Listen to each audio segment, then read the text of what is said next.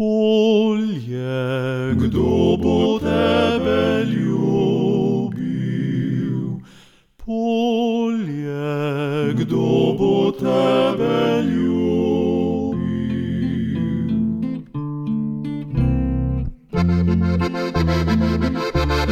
Spoštovane poslušalke in spoštovani poslušalci, lepo pozdravljeni. V petek je minilo 23 let, kar so na ustanovni seji zbrani izvoljeni predstavniki lastnikov kmetijskih in gozdnih zemljišč ter kmetijskih zadrug in kmetijskih podjetij ustanovili Kmetijsko-gozdarsko zbornico Slovenije. Obletnica mineva v znamenju zaostrenih razmer na kmetijskem področju in razmišljanju oblasti, da bi javno službo kmetijskega svetovanja izločila iz zborničnega sistema, za rojstnodnevno darilo pa so v gibanju Svoboda v parlamentarni postopek vložili tudi predlog dopolnitev zakona o Kmetijsko-gozdarski zbornici Slovenije, s katerim želijo iz zbornice umakniti politične funkcionarje.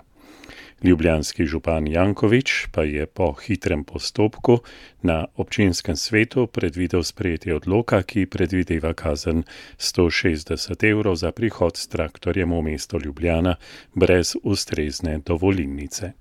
A pojdimo po vrsti. Na petkovi novinarski konferenci so predstavniki štirih kmečkih nevladnih organizacij, Sindikata kmetov Slovenije, Zveze kmetic Slovenije, Zadružne zveze Slovenije in Zveze slovenske podeželske mladine, Kmetijsko-gozdanski zbornici čestitali ob obletnici, povdarili pomen poslanstva, ki ga ima na vseh področjih delovanja v dobrobit slovenskega kmeta, in izrazili podporo njeni sedanji organiziranosti, katere temelj je javna služba kmetijskega svetovanja. Tako kot je pred dobrimi 23 leti znala politika prisluhniti kmetom, ko je sprejela zakon o zbornici, tako naj bo tudi danes. Sindikat kmetov Slovenije, Zveza slovenske podeželske mladine, Zveza kmetic Slovenije, Zadružna zveza Slovenije in Kmetijsko-gozdarska zbornica Slovenije smo kot roka, sestavljena iz petih prstov, ki so se v aprilu stisnili v visoko dvignjeno pest, pa ne zato, da bi udarila, temveč zato, da pokažemo, kako nam je mar in kako skrbimo za našo skupno državo, je opozoril predsednik Kmetijsko-gozdarske zbornice Slovenije Roman Žveglič. Napovedi o poskusih reorganiziranja in selitve kmetijskih svetovalk in svetovalcev pod okrilje ministerstva ali kakšne druge inštitucije pa je pospremil z besedami.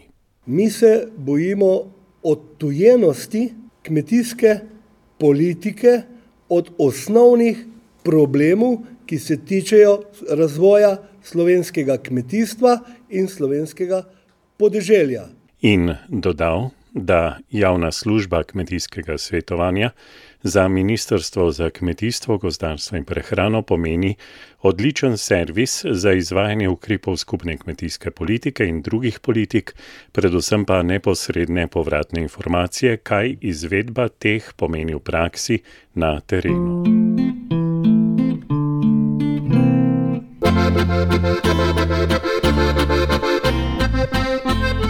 Na radiju Ognišče poslušate kmetijsko oddajo.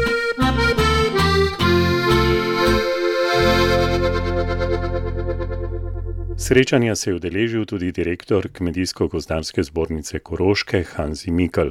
Opozoril je, da je že Marija Terezija vedela, da morajo, če želijo, da ljudje ne bodo lačni, biti kmetje organizirani, predvsem pa, da je oblast dolžna poskrbeti, da bodo imeli na voljo strokovnjake, ki jim bodo pomagali z nasveti za pridelavo hrane. Ta sistem je zaradi tega tako nastal, ker svetovanje, ja, moram povedati, je stvar zaupanja.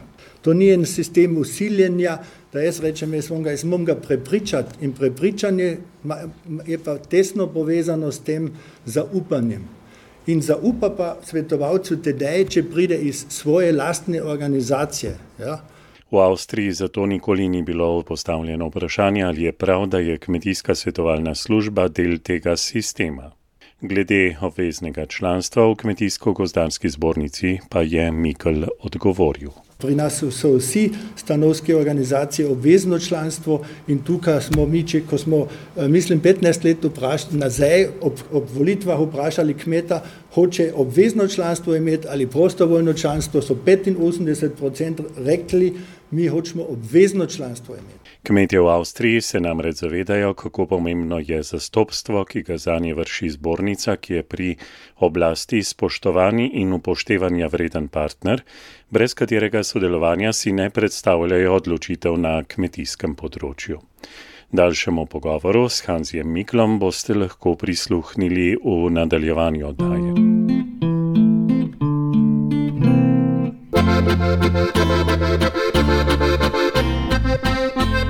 Zavedajmo se, da nas kmetijstvo vse preživlja.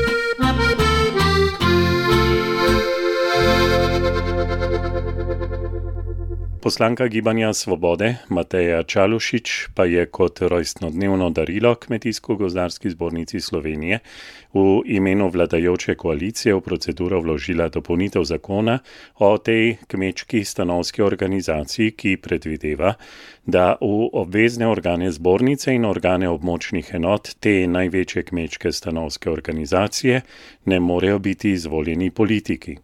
Predlog namreč določa, da v te organe ne smejo priti tisti, ki so ob izvolitvi oziroma imenovanju ali so bili štiri leta prej člani organov političnih strank na državni, regionalni in občinski ravni. Postavlja se vprašanje, če gre s tem spet za ustavno sporen predlog zakonodaje. Po zadnjem protestu kmetov, ki je številno udeležbo kmetov in traktorjev presenetil slovensko javnost, pa se kot kaže na morebitnega novega pripravlja tudi ljubljanski župan Zoran Jankovič oziroma ljubljanski mestni svet. Kot je v petkovi razpravi na izredni seji državnega zbora o položaju slovenskega kmeta opozoril poslanec Nove Slovenije Aleksandr Rebršek, je namreč za 29. maj sklican mestni občinski svet, kjer bodo po hitrem postopku sprejeli odlog, ki predvideva kazen 160 evrov za prihod s traktorjem v mesto Ljubljana brez ustrezne dovolilnice. Kmetje z Barja so se na to odzvali s sarkazmom. Pravijo, da jim ni potrebno zgubljati časa s prerekanjem z Jankovičevimi redarji in naravovarstveniki, ampak lahko v nekaj minutah zapnejo pluge in preorjejo, kar so nekdaj bile nive. Komentar prepuščam vam.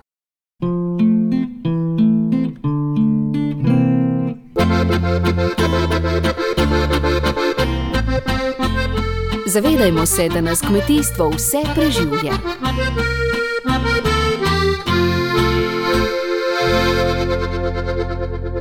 Med znanimi koroškimi pridelovalci jagod je tudi družina Mikl iz Zilske doline, ki kmetuje na kmetiji pri Gamsu. Eh, poznani pa niso samo po sladkih, ekološko pridelanih jagodah, po odličnih hladno stiskanih rastlinskih oljih, ampak tudi po tem, da je gospod Hanzi Mikl direktor Kmetijsko-gozdarske zbornice eh, Koroške. Gospod Hanzi, najprej lepo pozdravljeni. En lep pozdrav tudi z moje strani. Kako letos kažejo jagode pri vas na Koroškem? Kdaj se bo pri vas začela sezona? Začela se bo malo kasneje, ker je zdaj skozi bilo več ali manj hladno vreme. Uh, z dežjem smo do zdaj zadovoljni. Uh, sezona, mislim, upam, da bo, da bo lepa, uh, ker je pač do zdaj dosti dežja. Kako pa kaže z olnicami, ste buče že posadili? Smo že posadili, ampak šele lanski, oziroma zadnji teden, ker imamo vedno malo strah tudi pred mrazom in uh, zaradi tega smo malo počakali, ampak upam, da bodo tudi ti rastli in nam en lep predelek prinesli. S svojimi izdelki vsako leto nastopate tudi na Eh, razstavi dobrote slovenskih kmetij. Boste tudi letos prisotni, se nadejate kakšnega odličja? Bomo prisotni, imamo tudi odlikovanje, zdaj pa mene ne sprašujete, pri katerih vrstah olja, mislim pri sončničnem in tudi pri bučnem olju, ampak rade volje sodelujemo tudi sigurno vsako leto, to je obvezna stvar, vse smo uh, koroški slovenci in moramo pri dobrotih, sigurno pri dobrotih zraven sodelovati in tudi pokazati, da imamo dobro kvaliteto. Gospod Hanzi, danes bi vas posebej prosil, da pogledava na področje Evropske skupne kmetijske politike. Predvsem me zanima, kako ste kmetje na Koroškem zadovoljni z ukrepi, ki bodo veljali v novem petletnem obdobju te skupne kmetijske politike in kako ste jih oblikovali. Kmeti so ob začetku ene periode vedno malo nezadovoljni, ker jasno je tako, da so zahteve od periode do periode večje, je treba reči. Ja. Celotne družbe, rečemo tako, kar se marsikaterih ukrepov tiče, ampak denar ostane isti ja, ali, ali še, še zmanjša. To pomeni, vedno je tako, da mora kmet več narediti za isti denar. In to je vedno povzroča določeno nezadovoljstvo, ki jo imamo tudi mi, eh, ki jo tudi čutimo mi na avstrijskem Koroškem. In potem so enkrat poljedelci malo bolj eh, jezni, in enkrat so pa eh, žvinorejci malo bolj jezni, enkrat gorski kmetije in tudi drugi. Ampak zelo zadovoljen ob začetku programske periode noveden ni, tako bi jaz to rekel. Slišati je, da je Avstrija te ukrepe, te rešitve oblikovala v dialogu s kmeti oziroma kmečkimi stanovskimi organizacijami. Kako ste vi videli ta proces? Ta proces je že tako, da jaz to doživljam že tretjič, mislim zdaj, ampak vedno je tako, da skupaj kmetijska zbornica, avstrijska oziroma vse kmetijske zbornice na podeželju, to pomeni Koroška, Štajarska in tako naprej, imamo en tak usklajevalno telo, ko sigurno ministrstvo vabi v tiste skupine tudi uh, reprezentante zvornic, namreč naše, naše strokovnjake, ki so pač na teh področjih in skupaj izdelujemo potem uh, ukrepe, ja, ki bodo na koncu potem v programu not. Sigurno je tako, da, da, da je tako, da določene stvari, določene ukrepe pridejo iz ministrstva, ko pač mi nismo zadovoljni, ko rečemo, da to je pa bistveno preveč ali pretrdo ali kar karkoli. In v skupnem pogovoru moramo jih mogoče malo olajšati, ampak sigurno je vsak, vsakič, kot sem rekel, zahteva rečimo ena večja. Ja. Več okoljevarstvene, več, also, več okoljevarstvenih ukrepov, več, več pogled na biodiversitete in tako naprej. To pomeni, to je vedno en, en, en velik problem ampak konc koncem se zedinimo za en program in tega potem tudi skup, skupno prinesemo do kmeta. To je zvornica in tudi ministrstvo in tudi naši svetovalci, ki so eh, znotraj zvornice, potem vemo, to je treba prinesti do kmeta in uh, kmetu dati tudi spet zaupanje, da bo se v tem programu tudi znajdel in da bo našel tudi svoje ukrepe, ki jih lahko ima. In kljub temu, da ima možnost do proizvodne, če to želi. V Sloveniji imamo precej zapletov, ker dialoga ni bilo in so okoljevarstvene organizacije nekako izsilile rešitve, ki zdaj zelo omejujejo kmetovanje. Uh, bi nam lahko, gospod Hanzi Mikl, uh, povedali, kako ste recimo v Avstriji uspeli priti do rešitve, da ste tako imenovana območja uh, okoljsko občutljivega trajnega travinja vzpostavili na hribovskih pašnikih, Eh, da tako avstrijske kmetije zdaj nimajo težav glede zahtev, da ne bi smele orati recimo določenih svojih površin v nive. Ja, to je tudi en tak precej dolgotrajni proces. Tudi pri nas je tako, da okoljevarstvene organizacije bi radi hoteli še bistveno več in bistveno hitrejši in, in da bi kmet, eh, ko bi sem kaj še moral narediti. Ja. In tam se tudi vedno stavi konfrontacija določena. Ja samo v, v, skupnem dialogu, več ali manj se znotraj ministrstva in z zvornico uh, skuša tudi ministrstvo de facto prilagoditi na eni strani kmet, kmetijskim potrebam in na drugi strani mogoče tudi okoljevarstvenim potrebam. Ja. Uh, ampak tako brutalno, kot je tu, mislim, v Sloveniji tu, to pri nas ni možno. To pomeni, ni možno, da bi oni uh, upeljali nekaj, o katerem mi prej nismo vedeli jo, in o, kat, o katerem rečimo, nismo prej govorili in se zmenili, kako bi lahko to naredili. Ja. Uh, in v tem je mogoče ena razlika. To pomeni, brez dialoga sigurno ne gre in dialog z zvornico je sigurno prva naloga enega ministra ali ene ministrice in to je sigurno tudi prva stvar, kar se tukaj kmetijsko ministrstvo navadi, da brez tega dialoga ne gre. To je jasno. Ampak uh, sigurno je tako, če hočeš zraven biti v programu EPUL, also v tem okoljevarstvenem programu, potem vsak ve, da mora 7% svoje površine, svoje proizvajalne površine dati na razpolago za okoljevarstvene ukrepe oziroma da pač tam glede na biodiverziteto se nekaj naredi in tam uh, ne stoji proizvodnja v spredju, sploh ne.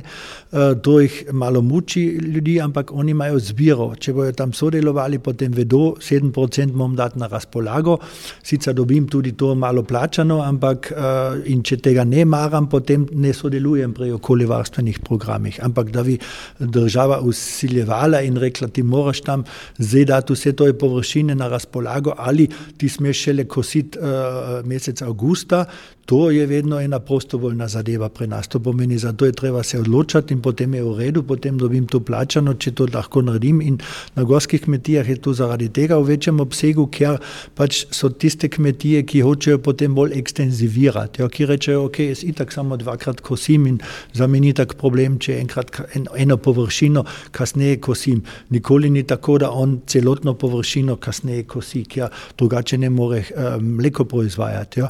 Uh, maksimalno, da ima konje potem, ker konje so navajeni uh, staro seno uh, jesti in žvakat, ampak ena krava sigurno ne da dobrega mleka oziroma veliko mleka, če ima staro slamo, uh, katero ti dobiš potem, če šele mesec avgusta kosiš prvič. Ja. Kako pa rešujete recimo težave, če narovarstveniki rečejo, da se razmere slabšajo, da se habitati slabšajo in tako naprej. Eh, pri nas je to namreč izgovor za to, da se uvede te obvezne režime eh, in ni tako prostovoljno, kot pravite, da je pri vas. Tudi pri vas eh, monitoring kaže na slabše stanje okolja. To je vedno taka diskuzija. Jo. Sigurno stalno nam tudi očitajo, da se to poslabša. Ja. Vprašanje je, kakšne raziskave imaš, kje ima raziskave dela in, in kako šteješ črvi, hrošče in tako naprej in tukaj imaš več vplivov. Ja? In, eh, in mislim, sigurno je tako, jaz vedno rečem, okolje, ki jo imamo, smo jo v glavnem mi kmetje hranili tako, da je še tako pestro, da imamo še toliko različnih vrst. Uh, uh, uh, trav, travinje ali karkoli noh, in tudi insektov, ki jih imamo. In uh, vpliv ni samo strani uh, kmetijstva, vpliv na insekte je tudi so ceste, so, uh, so, je promet, je luč v mestu, in, in, in, in, in tako naprej. Onesnaženje luči, rečemo, je za insekte en velik problem. Ja? In uh, vsak uh, privatnik kosi z avtomatičnim uh, kosilcem, uh, kome je trava samo en centimeter, pife že pokošena, tu, tu je dosti površin, ki bi lahko tudi drugi skrb, skrbeli za to. Ja? Ne samo mi, kmetje, vsako hoče svoj, svoj, uh, svojo gredo ali uh, svoj uh, mehen kosiček, več ali imeti tako lepo pokošeno, in, ko, ko nobena stvar ne cveti več. To pomeni, to je ena zelo multiplastična zadeva in ne samo ena kmetijska stvar, ampak se tega zavedamo, zaradi tega tudi vsak, vsakič več površine damo na razpolago. Samo mi ne živimo od tega, tega, da proizvajamo metuljčki, ja? E, mi živimo od tega, da imamo prehrano za ljudi, ampak lahko damo ene površine na razpolago, samo potem mora družba to plačati, ker to je ni potem privatna zadeva kmeta, temveč to je zadeva od, od nas vseh. Če mislimo, da je to ena važna stvar, potem je treba tudi, za to tudi plačati in dostop do kmeta imeti, da ga prosimo, da to naredi in da ga naučimo, da to naredi in da z veseljem in s ponosom potem tega drži, pač proizvaja metuljčke na mesto mleka. In ni problem, ampak je treba z, z, ga prositi in je ga treba eh, prepričati, da je to tudi pomembno. Če mleko ne rabimo, dobro je v redu. Uh, metuljčki so tudi uh, zelo najbolj važni. Ampak to je stvar eh, družbe, to oceniti, ampak ne moramo kmeta zesiliti in reči, ti pa smeš zdaj samo metuljčke proizvajati in lahko prodaš to krave. Pretežni del naših ukrepov so prostovoljni ukrepi in mi skušamo tudi, če, če Natura 2000, potem se moramo pogovarjati skupaj in potem more, se moramo znajti nekje, da rečemo, ok, dobro, to površino damo na, na razpolago ali to površino ali to. In to nam mora biti ena površina, ki je, ki je jo dobro, imamo že tiste nacionalne parke, ja, ampak tudi tam je tako, da imamo naše zahteve in da more kmete v glavnem možnost imeti naprej kmetovati tako, kako so do zdaj kmet, kmet, kmetovali in deloma še naprej tudi de facto pospeševati kmetovanje. Tako, tako omejiti, to mora država peč element v tem skupaj s kmetom se zmeniti in kmeta odkupiti. Ampak tukaj se ne gre za, za ceno, razumete, ker en kmet z, z srcem in z celotno dušo kmetuje. To je ni samo tako, da od danes na jutre lahko reče, bom pa moje krave pustil in dobro, če ne smem več kositi ali, ali na pašo jih dati, potem bom pa to nehal. Ja, to je en cel življenje delal in že mogoče tri generacije ali, ali sto generacij prej. In to je, to je treba pasljivo uh, postopati. In jaz mislim, da imate bistveno preveč okoljevarstvenih površin in uh, okoljevarstvenih ukrepov in predpisov, katere je za kmete dejansko en velik problem. In mislim, da v tej celoti in v tej uh, količini, ko jih imate, da dejansko niso potrebni. Pa vam uspe dobiti dovolj uh, hektarov teh površin na tej prostovoljni bazi? Sigurno uspe, sigurno uspe, ker, ker marsikdo je, ki reče: Poslušaj, jaz z mojimi mehkimi površinami ali jaz nit, itak nisem več glavno poklicni kmet, jaz hočem se več bolj ekstenzivirati, jaz bom uh, hlev malo, malo bolj ekstenzivno naredil ali sploh nimam več rečimo živine, uh, potem dam tiste površine v ta program not in oskrbim, oskrbujem jih tako, kako imam jaz časovno to tudi lahko narediti ali ljubiteljsko naredim in potem so tudi zadovoljni, sigurno uspe. Sigurno imamo tudi tu pa tam konflikte, ko bi radi navarstveniki, uradniki rekli, to pa to površino pa moramo nujno zaščititi in to ravimo in to je treba zdaj uh, javiti in ko imamo trde diskuzije ja, in ko se skoraj tepemo, ampak To je kljub temu še na eni, na eni ravni, ko oni vedo, da preko kmeta ne morejo. Oni ne morejo tebi siliti, ker če boš ti meni silil, potem jaz to ne bom delal. Ja?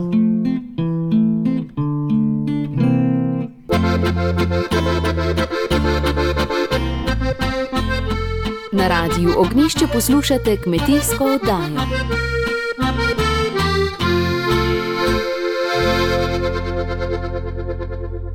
Za konec še vprašanje, gospod Hanzi Mikl, se tudi pri vas že pripravlja kakšna eh, sprememba tega strateškega načrta eh, kmetijske politike ali eh, ste jo pripravili tako, da zdaj v tem letu ne pričakujete sprememb? Veste, mehne spremembe so vedno, ja, tudi zdaj, kar ob začetka vojo določene spremembe prišli, ampak to so več ali manj bolj mehne spremembe. Ja. Ni programa, ki ga nismo spremenili tudi tekom programske periode, to pa Evropska skupnost tudi, tudi ve, to, ampak to je vedno potem stvar pogajanja, ja, ker se potem ugotovi, da to, ta ali oni ukrep ni bil tako primern postavljen in bomo tudi mi spremenili. Ne, ne zdaj od začetka tako bistveno, ker smo se ja vnaprej več ali manj zmenili in to je vedno uh, ta najboljša stvar, če se, če se zmenimo od začetka. Ministrstvo ne dobi vedno to, kar se želi in tudi kmetijska zvornica in kmetje ne dobijo to, kar se želijo, ampak skupaj moramo priti naprej v medsebojnem dialogu in to smo v zadnjih desetletjih tudi pokazali, ravno zaradi našega sistema kmetijskih zbornic in pogajanja z vsemi skupinami. Sigurno, uh, uh, avstrijska socialna, socialno partnerstvo je bilo zelo uspešen koncept, uh, ko de facto to znamo vres, da se več ali manj srečujemo na štrekih. Hvala lepa za pogovor in vse dobro. Hvala lepa in uh, vsem uh, slovencem vse najboljše.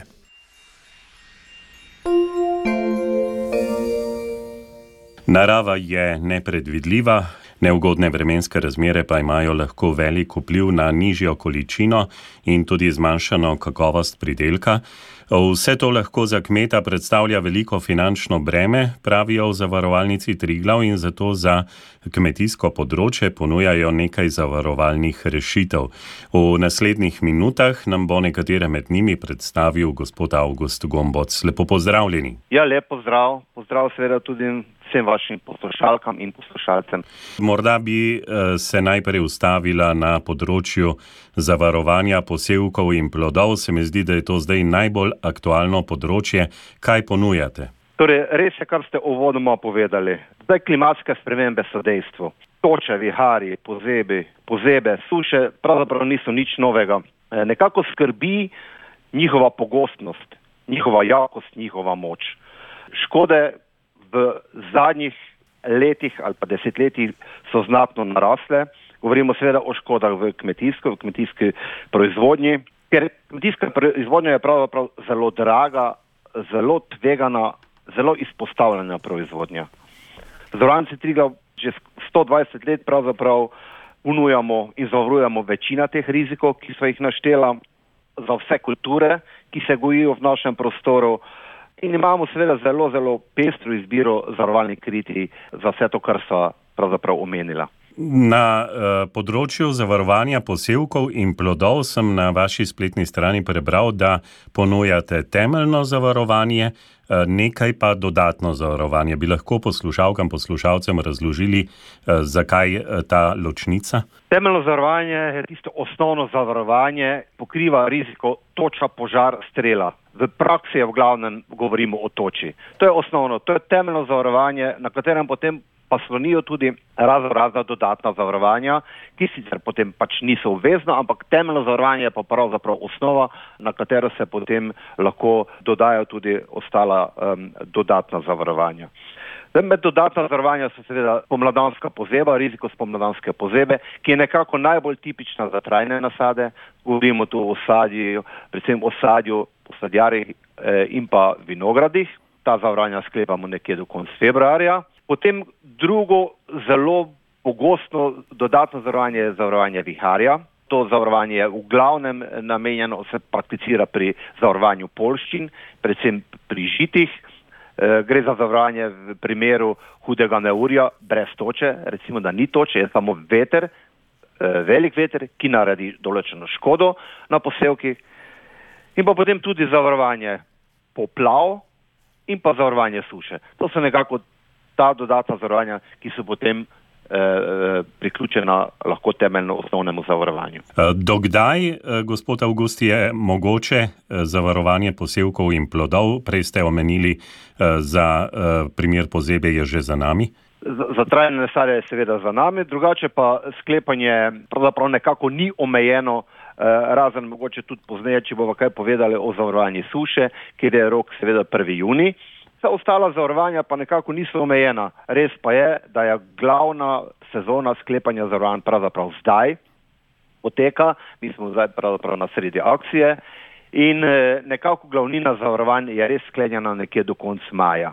V praksi pa pravzaprav to pomeni tudi do prvega škodnega dogodka v nekem prostoru, na nekem področju, ko se pa enkrat pač škoda na nekem območju zgodi, potem pač na tistem področju nekako zapremo in zaustavimo zavarovanje, kar je na nek, na nek način tudi normalno. Omenili ste zavarovanje suše, zdaj imamo kar eno tako obdobje zelo mokro v maju, e, mnogi se sprašujejo, kam se je e, vse skupaj obrnilo, ampak vremenoslavci napovedujejo sušnato poletje. E, zdaj je verjetno torej to najbolj aktualno vprašanje. Res je, da mogoče se v tem, v, tem, eh, v tem obdobju pogovarjamo več o, o preseških vlage, kot pa o suši, kar pa ne pomeni, da na teh istih tleh, kjer zdaj mogoče stoji voda, ne bo eh, meseca julija ali pa avgusta eh, suša in bo zemlja pravzaprav razpokana od pomankanja vlage in pa seveda bodo rastline trpele določeno škodo. Zakaj pravzaprav gre pri zavarovanju suše pri tem našem produktu? Gre zgolj na temeljito zavarovanje na meritvah vlage v tleh. Meri se količina vlage znotraj posameznega opazovalnega območja in pa seveda znotraj določenega časovnega ob obdobja. Izmerjena količina vlage v tleh se primerja z, z preteklimi 20 leti in gre prav za določeno odstopanje posameznega leta. In koliko je to odstopanje pač takšno, da, da je, da je da zazna to naš produkt, potem v tem primeru prije tudi izplačila, izplačila očkodnine. E, zaenkrat je to namenjeno vsem pridelovalcem e, koruze, buč, sončnic, soja, sladkorna pesa in pa tudi travniške površine. Za žita zaenkrat nimamo produkta, torej to so, to so kulture, poletne kulture, ki se pospravljajo jeseni in gre tudi za opazovalno obdobje dveh mesecev od 15.6. do 14.8. Pravi, to je obdobje, kjer tudi vse te naštete rastline rabijo največ, največ, največjo količino vlage in v tem obdobju lahko pride tudi do največjega izpada predelka zaradi suše. Vse to se seveda meri eh, vsak dan na 100 krat 100 metrov natančno eh, preko satelitov na podlagi mikro, mikrovalovnega žarčenja in seveda potem lahko tole tudi vsak spremlja preko spleta in se potem tudi vidi, v kakšno stanje je na določenem eh, območju. Rezultate se potem objavijo na, na poštni okoliš, se, se pravi poštno številko okoliš natančno. Lansko leto smo imeli na, na, na območju občin, da smo nekako tole še skrčili in se potem tudi tile podatke objavijo. In na podlagi teh podatkov se tem tudi izplača ali pa ne izplača odškodnina. Tu moram povedati pa povdariti, da gre za povračilno delne škode. Maksimalna izplačila zavarovalnine je 30% od zavarovalne vsote in škode ne ocenjujemo na terenu, samo zgolj na podlagi objavljenih podatkov. Gospod August, morda počrtava, kar se tiče zavarovanja pred sušo. Eh, tisti končni datum, do katerega je potrebno zavarovanje skleniti pri zavarovalnici Triglav, je 1. juni. Eh, potem omogočate tudi samostojno zavarovanje travinja pred sušo, Eh, sicer pa za ostale polščine pa mora biti najprej sklenjeno tisto osnovno zavarovanje, zavarovanje za sušo pa je dodatno zavarovanje. Eh, sem prav povzel te ugotovitve? Prav ste povzeli, torej za travinje ne rabimo imeti zavarovanja proti toči, se pravi tisto osnovno temeljno zavarovanje je lahko samo za sušo, za vse ostale polščine je pa to kot dodatno zavarovanje k osnovnemu oziroma temeljnemu zavarovanju. Tako, se mi zdi, da bo s tem največ posla v naslednjih tednih. Eh, sicer pa pri zavarovalnici Triglav imate na voljo tudi zavarovanje živali, pa zavarovanje ozimin, ampak to so zavarovanja, ki bodo eh, aktualna recimo ozimin jeseni, živali pa čez celo leto. Res je, v naši ponudbi kmetijskih zavarovanj, če to tako imenujemo, imamo seveda tudi zavarovanje živali, tudi zavarovanje ozimnih posevkov. To je res aktualno, kot pravite, potem v jeseni, zdaj je bolj aktualno zavarovanje toča in pa uh, ostale riziki, ki, seveda, ki smo jih seveda tudi že omenili. Za konec, kako je s financiranjem premije strani države, kako je to urejeno? Država se je že leta 2006 aktivno vključila uh, in spodbuja, stimulira zavarovanje, torej je za, zainteresirana, da si kmetje, pridelovalci svoje posevke zavarujejo in s tem tudi en del premije plača. E, višina te subvencije je bila skozi to obdobje različna, zdaj v tem trenutku znaša 55%. 55% premije, ampak tu moram povedati, z 15% odbitno franšizo, pač neke določene pogoje potem tudi država ostavlja nam izvajalcem teh zavarovanj in pa nam uh, seveda omejuje tudi zavarovalne vsote. Torej za vsako kulturo, za vsako polščino nam omejuje zavarovalno vsoto po hektarju, po kakšni je pač potem ta kultura zavarovana. Tudi zavarovanje eh, živali sofinancira država v isti višini. Moram pa povdariti, da tudi vse dodatne rizike, poleg temeljnega zavarovanja, razen suše, tu moram verjeti, suša je izveta premijo, za zavarovanje suše pa država ne sofinancira. Vse ostale rizike, kot so spomladanska pozeba, vihar, poplava, pa je potem tudi tista premija uh, za strani države v enaki višini sofinancirana kot za temeljni riziko. Uh, gospod August, uh, čisto za konec, kako svetujete naj kmetje stopijo v stik za varovalnico? Torej, mi imamo zelo razvejano uh, zastopniško mrežo po pravzaprav po celem terenu. Najboljše, da se obrnejo na svojega zastopnika, najbližjega zastopnika. Mi res nekako individualno pristopamo za vsako kmetijo, za vsako proizvodnjo, lahko priredimo ponudbo, to, kar zanima, kar recimo je eh, predmet zavarovanja in naredimo informativni izračun pač priporočam, glede na to, kar smo že uvodno povedali, glede na eh, jakost, glede na pogostnost, glede na velika vlaganja in veliko tveganje, da si kmetje, pridelovalci svoje posevke zavarujejo. Mi sicer pridelka ne vrnemo, finančni spad pa pokrijemo. Gospod August Gomboc, hvala lepa, lepo nedeljo. Hvala tudi vam. Ob koncu današnje nedeljske kmetijske oddaje pa vas še enkrat, spoštovane poslušalke in spoštovani poslušalci, opozarjam, da se bo od petka do nedelje, torej od 19. do 21. maja, na Ptuju odvijal letošnji 34. festival dobrote slovenskih kmetij. V tem tednu bo potekalo tudi še zadnje ocenjevanje krušnih dobrot. Festival pa se bo v petek začel s strokovnim posvetom o pomenu ocenjevanja izdelkov z kmetij za izboljšanje kakovosti in za zmanjšanje završkov hrane. Festival bo ob 12. odprla častna pokroviteljica ministrica Irina Šinko, podelitev priznanj pa bo potekala v soboto ob 13. in drugi del v nedeljo po slovesni sveti maši ob 10. Vse dni bo na Ptuju mogoče okušati hrano slovenskih kmetij. Vabljeni, torej prihodni konec tedna na Ptuj, danes pa vam lepo nedeljsko popovdne želiva Miha Močnik in Robert Božič.